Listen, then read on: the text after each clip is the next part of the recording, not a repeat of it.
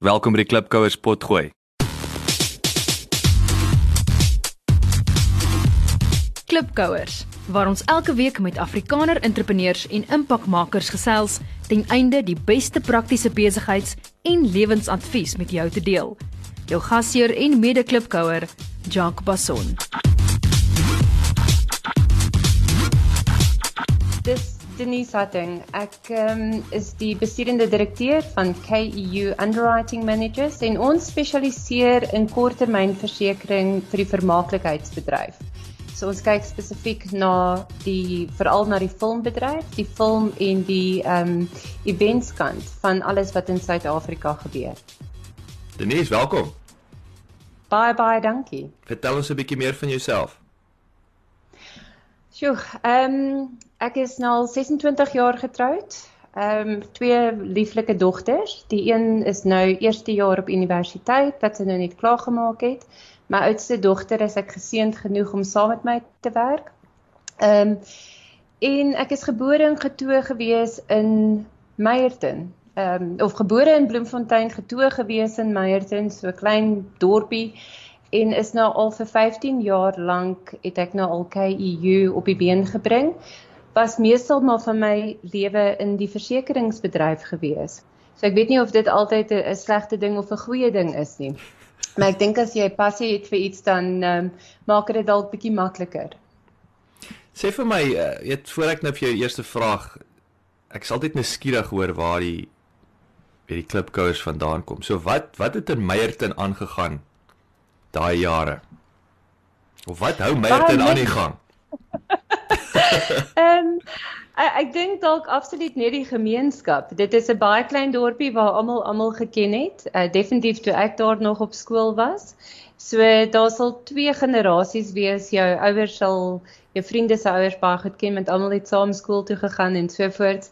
Ehm um, so vir my was Meyerton 'n fantastiese 'n tydperk gewees. Jy het baie goeie vriende gehad. Jy het letterlik jou bure se huis geboer en jou vriende se huis geboer en oral waar jy gekom het, het jy gekom met 'n fiets.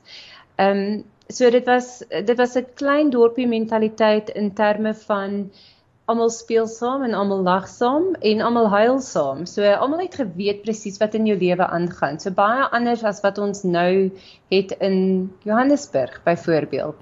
Ehm um, so dit was 'n dit was vir my 'n baie goeie kinderjare gewees toe ons daar groot geword het.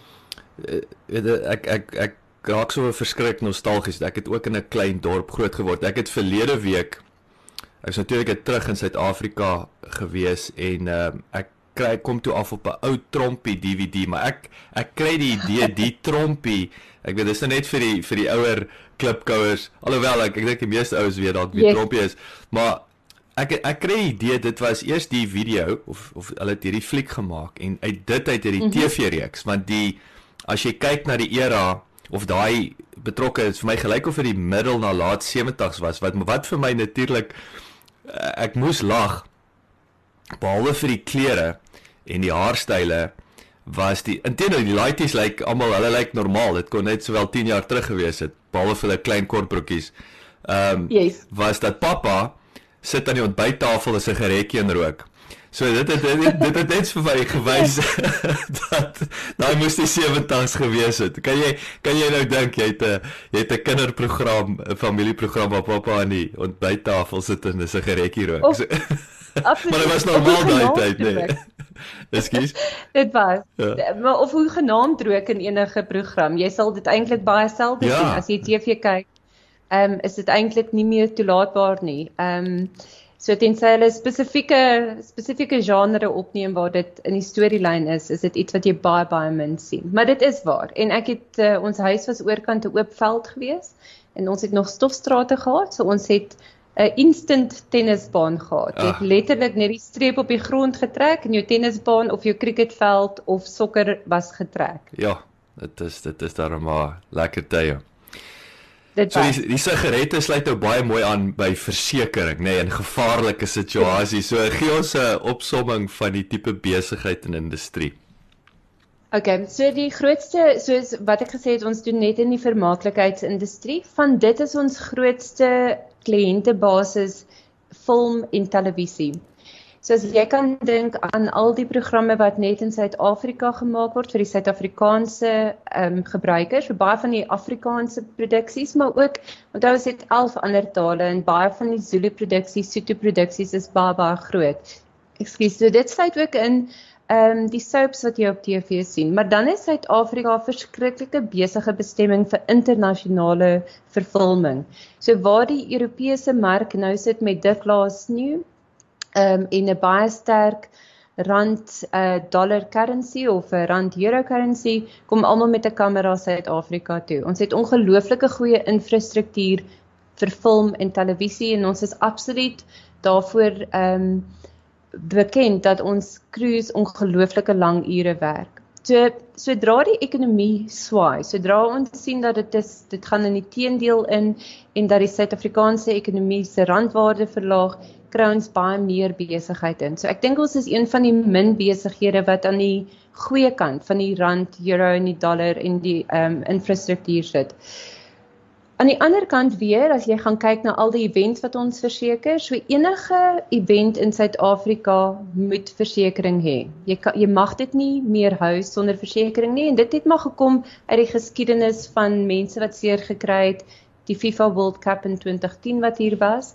Ehm um, so daar sien jy dan baie minder internasionale sterre wat deurkom net omdat dit te duur raak vir ons om een event te hou met genoeg mense om die kaartjie te kan betaal. So dit dit dit gaan aan beide kante. Maar die Suid-Afrikaanse mark is ongelooflik besig in terme van ehm um, local events. So almal wat ehm um, 'n pantomime opvoer of enigiemand wat 'n konferensie hou, al daai tipe versekerings doen ons.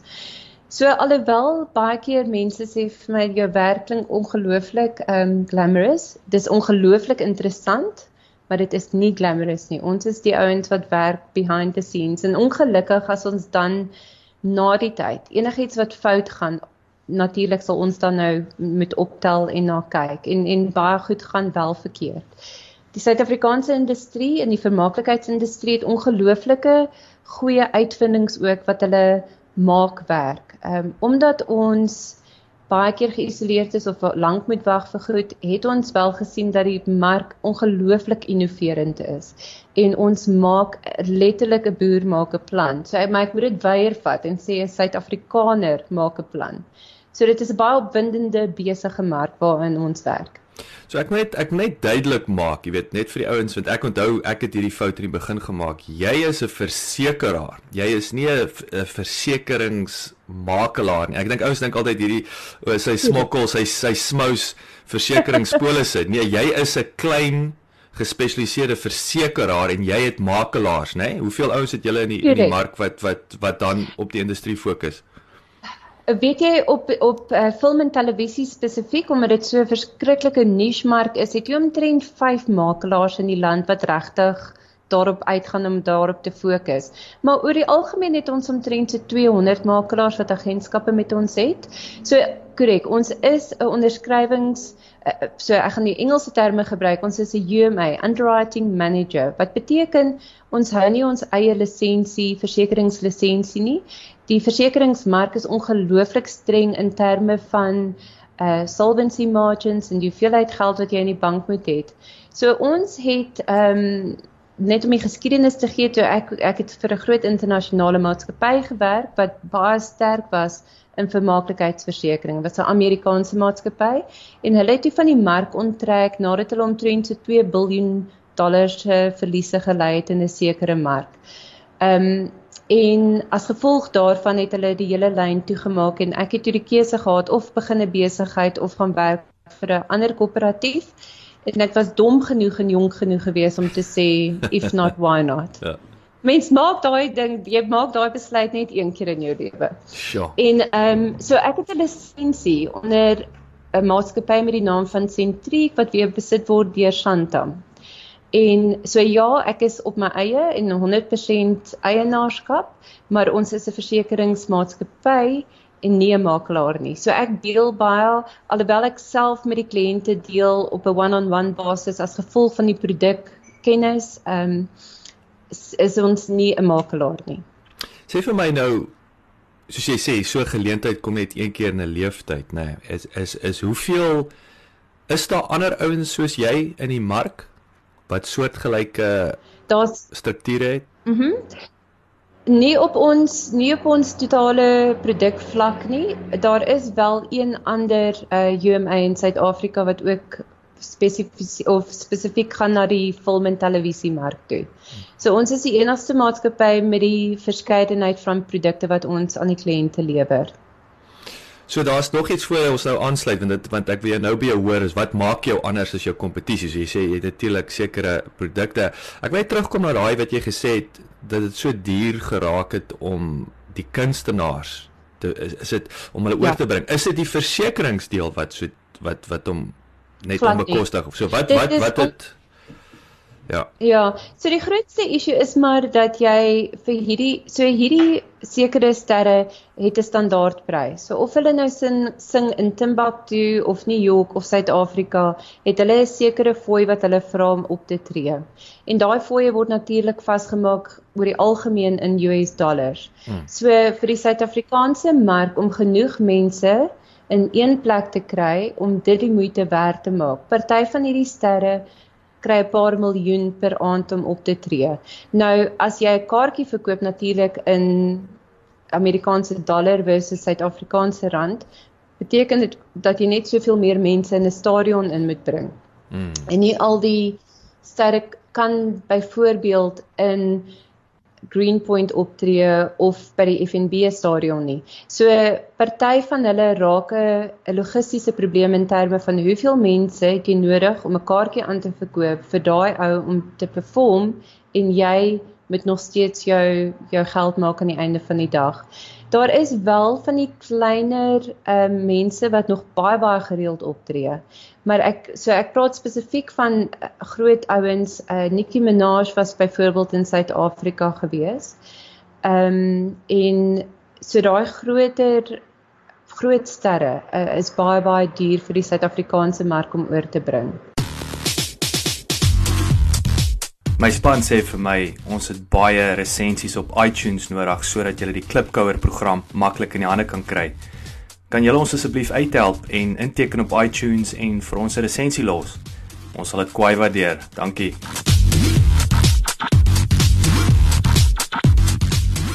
Wat maak jou besigheid anders as jou kompetisie? Ehm um, ek dink be, behalwe vir die feit dat ek al 20 jaar in die bedryf is, so dit gaan versekerings is maar vertrouenskontrak. Jy kan maar sê op papier wat jy wil en jy kan sekere goed baie duidelik uitstipuleer. Mense lees nie kontrakte nie. Mense lees baie min. En niemand lees 'n versekeringskontrak nie. So ek dink een van my voordele is dat ek nou al in die mark is vir 20 jaar en 15 jaar as KU ehm um, dat jy 'n lang pad stap met mense wat weet dat hulle jou kan vertrou. So jou woord moet jou waarheid wees aan die einde van die dag. Ek dink ook dat ons ehm um, ek het 'n absolute goeie ehm um, infrastruktuur. As ek kyk na die internasionale maatskappye wat na my treaties kyk, so dis maar mense wat kapasiteit vir jou gee en die soeke om deeltyd te innoveer. 'n Mens moet weet wat aangaan in die mark en daarvoor moet jy dan 'n solution skep. En ehm um, dit maak dit makliker as jy kleiner is. Jy kan onmiddellik dan daarop reageer. Dis in, dis interessant daai. Ek wil net vinnig onthou ons het ons het ons het hieroor gesels al in terme van daai produk skep. Ek ek wat vir my fascinerend was toe jy ja. my vertel het van die drones wat natuurlik op die film stelle. Vertel 'n bietjie meer van die drones yes. as en natuurlik die produkte wat jy dan daar volgens geskep het. Ja. So daar Suid-Afrikaanse mark die civil aviation het alle alle hommelvoertuie, is nou die korrekte Afrikaans woord, maar die drones gestop om te vlieg so in April 2014. So daar was toe sterk wetgewing uitgebring. Ehm um, tot en met daai tydperk was was dit 'n redelike nuwe tegnologie wat hulle gebruik het op film shoots en die probleem is dat 'n drone partykeer net batterykrag verloor of jy te sterk wind wat dit waai. En natuurlik as daai ding afkom plus die kameras wat aan dit vas is, het jy groot exposure as jy nou dink jy gaan nou 'n groot konsert vervilm of jy gaan by 'n cricketwedstryde doen, het jy nogal 'n baie groot liability as daai ding op iemand se kop kom val of op 'n kind kom val. Hmm. Ehm um, op 'n filmstel, dis bietjie meer gekontroleerd, maar hulle het toe dieselfde selfde reëls oor vir almal gegee. En ons het toe e, was een van die eerste lande wat 'n regtige goeie drone regulations in plek gestel het.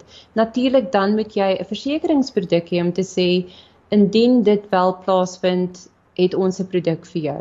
En ons was toe nou, ons het baie lank en hard daaraan gewerk. So ons het toe net toe die toe uh, eintlik nog voordat die ehm um, legislation daar gestel is, het ons al reeds 'n produk aan die mark gestel om te sê dit is die risiko wat jy het en hier is die versekerings wat ons vir jou daarbey kan bied. Een van die regulasies van civil aviation is ook dat jy nie 'n lisensie mag kry as jy nie versekeringspolisse het nie. En weer eens omdat ons klein genoeg is, kan ons vinnig genoeg omdraai en die solution daar sit vir die versekerde. Hm, baie interessant. Wat dink jy kan julle nog beter doen in die besigheid? Tegnologie verander konstant en dit is dis geen anders in, in veral in die filmbedryf nie. So as jy dink net hoe het 'n kamera, die gewone kamera wat enige man op straat van die afgelope 20 jaar kon gekoop het, hoe die tegnologie nie verander nie. Nou dieselfde en nog meer gebruik gebeur aan die filmkant. Die scenario's waarmee ons dan nou deel is dat eendag se filming kan 'n half miljoen of 700 000 rand kos. So as enigiets fout gaan met daai dag, vir watter rede ook al, kan dit ons 'n klomp geld uit die sak uitjaag. En vir ons as KU is dit altyd baie belangrik om te weet dat ons weet hoe die tegnologie werk en dat ons ons produkte daarbey aanpas. So wetgewing altyd 'n issue. Ehm um, en die Suid-Afrikaanse wetgewing verander nogal redelik vinnig. So jy sal byvoorbeeld 'n nuwe wetgewing hê op hoe hoe hulle 'n struktuur moet gaan afteken as jy mense het wat op 'n verhoog optree. Of hulle sal of die tegnologie verander in terme van hoe 'n kamera iets verfilm, wat hulle doen met die data, so hulle stuur nou die data op in die cloud in en wat as jy dit nie terugkry nie. Ehm um, en dan moet jy versekerings oplossings gaan vind vir hierdie probleme en jy kan dit net doen as jy weet wat aangaan in die mark. So ons kan ons kan vinniger en beter dink ek doen daarmee en ons ons werk met 'n nuwe millennium. Ehm um, ek weet nie wat het ons gedoen voor e-mails nie. Ek kan nog onthou mense het in 'n lyn gestaan om 'n faks te gaan stuur. Ja. En dan kry jy die faks in op hierdie rol, daai blink rolpapier wat binne 3 dae dan is dit nou al vervaag. Uh, ons werk nou met 'n met 'n klomp nuwe mense wat nie eers weet hoe lyk 'n faksmasjien nie en tegnologie moet vir mense kan werk. Dis vir my persoonlik 'n groot challenge. Ek dink nie ek is tegnologies verskriklik baie um innoverend nie, maar daarom het ek dan nou 'n dogter wat deel is van daai millennium en um seker maak dat ons aan nuwe oplossings dink vir ons mark. Maar versekerings bly maar versekerings, so daar's seker prosesse wat gevolg moet word en om seker te maak dat die nuwe generasie besef die risikobestuur wat jy in plek stel, die positiewe impak wat jy kan hê vir hulle en dan om dit te maak werk sonder dat mense 40 bladsye hoef te lees. So ons werk bietjie nog daaraan op hierdie stadium. Is om om dinge net ek sou sê verbruikersvriendelik, meer verbruikersvriendelik te maak en daarop sit net die tegnologie. So het jou dogter die faksmasjien uitgegooi toe sy ek dink nie sy het geweet waar dit is nie. so gaan uh, ons moet al gaan voorstel het aan watter faksmasjien is en die vraag natuurlik dadelik is Wie gebruik dit nog? Wie op DSA Ek dink dit is 'n miljoen rand vraag Denise. Is wie gebruik nog? Is al right om 'n faksmasjien te hê vir wie faks jy? jy weet so. Absoluut, absoluut. En maar en dan figure jy uit dat daai tegnologie baie goed te pas kom as enigiets fout gaan met jou e-mail. So daar jy ja. moet altyd 'n backup plan. maar ja, se tegnologie dink ek is is besig om verskriklik vinnig te verander en jy moet op die tegnologie gefokus wees as ook dan die risikobestuur en die die problem solving wat jy dan gee vir jou versekerdes. Hmm, baie baie interessant. Wat is die grootste besigheidsfout wat jy tot dusver gemaak het? Wat het jy geleer uit? maar ek net een, moet ek net een vir jou sê. ek dink ehm um, Jacques in in die kortste moontlikste sin is dat ek nie myself genoeg vertrou het toe ek die besigheid begin het nie. En as gevolg daarvan het ek toe besluit om 'n vennoot in te vat wat my baie skade laat ly het omdat ons nie dieselfde gedink het oor besigheid en oor kliënte en en waarna toe ons ehm um, KU moet vat nie. So dit het vir my baie pyn en lyding gekos om om dit te null and void en terug te gaan na myself toe. So ek sal sê my my grootste fout is om nie genoeg vertroue in my eie vermoë te gehad het toe nie, maar dit is maar nog iets wat mens heeltyd mee met worstel. Jy wil nie arrogant voorkom nie. Mm. Want jy gaan nooit alles weet nie. Maar partykeer moet jy tog net sê I can do this en dan regtig weet in jou hart weet dat jy dit wel kan doen. Want ultimately dis dis my baba. Dis wat dis my passie en dis my baba en ehm um, wie anders? Wie anders sal dit beter kan doen dan as ek? Hoe gaan jy te werk om nuwe kliënte te werf? Nou, voor jy antwoord, een ding wat wat ek wat ek vinnig daarbey wil ook vra is, jy het natuurlik ja, jy het jou jou makelaars wat wat die ek sê jou verkoop bedryf. Uh maar jy ja. het ook dan binne in die produkoffering. Ons het nou gepraat van die drones wat as 'n produk geskep is mm -hmm. of mhm. droneversekerings iets wat nie natuurlik 5 jaar terug eh, 'n uh, opsie was nie. Ehm um, en natuurlik die en dan nou die rand dollar of die seisoen wat die wat die Amerikaanse mark of internasionale mark meer kom. So dit dit klink vir my jy het amper hierdie drie bene wat al drie uh, saam die besigheid vorentoe dryf. Ja. So vir die afgelope 15 jaar, so veral omdat jy dan nou gekom het van 'n baie groot internasionale koöperatiewe maatskappy en dan jou eie naam probeer stig, ehm um, raak jou naam ongelooflik belangrik. So jou handelsmerk. So as iemand die naam KU hoor in die vermaaklikheidsbedryf, van baie min mense buite dit sal sal natuurlik na die naam kyk. Moet dit 'n naam wees wat absolute vertroue daar kweek en een van autoriteit. Sodat as jy my stuk papier, want ultimately is dit al wat ek vir mense kan gee, is 'n stuk papier en as iets fout gaan, 'n cheque aan die einde van die dag, as dit wel gelewer word dat dit daar gelewer word met dieselfde impak as 'n groot internasionale maatskappy.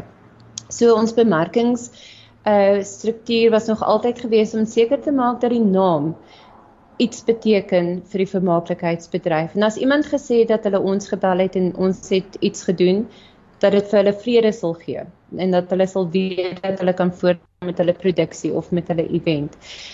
Ehm um, so die bemarking wat ons doen, die direkte bemarking doen ons net aan ons makelaars en ons doen 'n baie klomp opleiding vir makelaars omdat hulle nie altyd weet hoe die produkte werk nie. So as jy byvoorbeeld 'n Nicki Minaj het wat siek raak die aand vir die konsert, wat is dit wat ons vir jou kan doen? So of as die drone werklik val uit die lug uit of jou data wat jy gefilm het vir die hele dag is daarmee heen, wat doen ons? So al daai tipe opleiding fokus ons verskriklik baie op die makelaar. Maar ons doen dan ook baie workshops. Ons word uitgenooi deur die filmmark om ook na, by hulle te gaan gesels en om seker te maak dat die mense verstaan die implikasie van versekerings. Wat maar 'n baie subjektiewe en baie vervelige onderwerp kan wees as jy dit nie opwindend maak nie. So ons bemarking word daarop gefokus. Hoe het jy jou eerste kliënt gewen? Weet jy my eerste kliënt as KU, ek was baie ek was in so 'n goeie posisie gewees. So toe ek gehoor het dat ek nou nou nie meer 'n werk het by die Amerikaanse maatskappy nie, het ses makelaars my geskakel en gesê as jy jou besigheid begin, is ons daar. Ons sal jou ondersteun. Uh, hulle het my toe al 'n paar jaar geken. En die heel eerste cheque wat ek aan my bank kon betaal het was 'n makelaar. So daar's sekere wetgewings wat sê dat 'n makelaar geld kan hou vir 'n sekere hoeveelheid dae want hulle ehm um, sal dan fooie daarop kan kry of interest daarop kan in. Mm -hmm.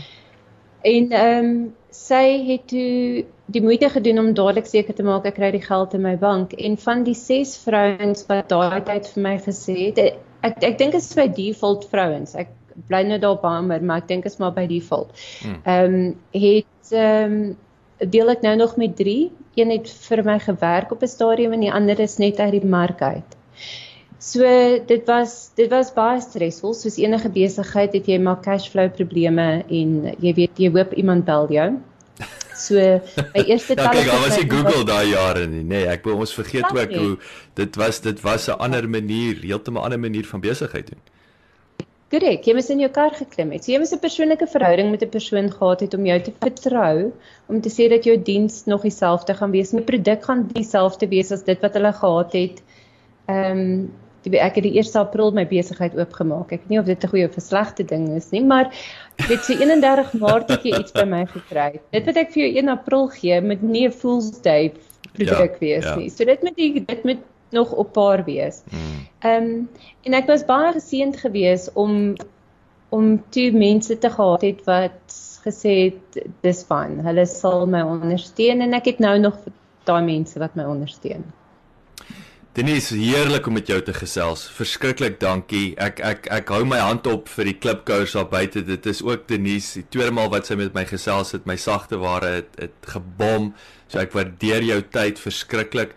Uh, baie fascinerend waarmee jy besig is. Ek kan sien hoe uh weer eens hier gaan dit nie oor die produk nie soos jy dit duidelik natuurlik ja, as die tyd die pryse is reg en die ding betaal uit is die pop of die fan strike, maar dit is 'n fascinerende industrie en ehm um, ek kan sien hoe kom jy dit so baie geniet. Sterkte met 2017. Ek hoop dit is 'n fantastiese jaar vir julle. Sê vir my, hoe kan jy Klipkous mee? Baie dankie, Jock, baie dankie vir dit. Dit 'n groot plesier. Sê vir my, hoe kan jy Klipkous mee kontak maak? Okay, so my kontakbesonderhede is die beste sal wees om my te e-mail denise@keu.co.za en dis D E N I S E @keu.co.za. Dankie Denise, baie lekker en ek hoop om uh, gou met jou te gesels in nabye toekoms. Selfde, baie dankie vir die oproep. Baie dankie dat jy geluister het. Vir 'n opsomming en notas van die episode, gaan asseblief na ons webwerf www.klipkouers.com en teken sommer in terwyl jy daar is, dan kan ons jou gereeld op hoogte hou. Baie dankie.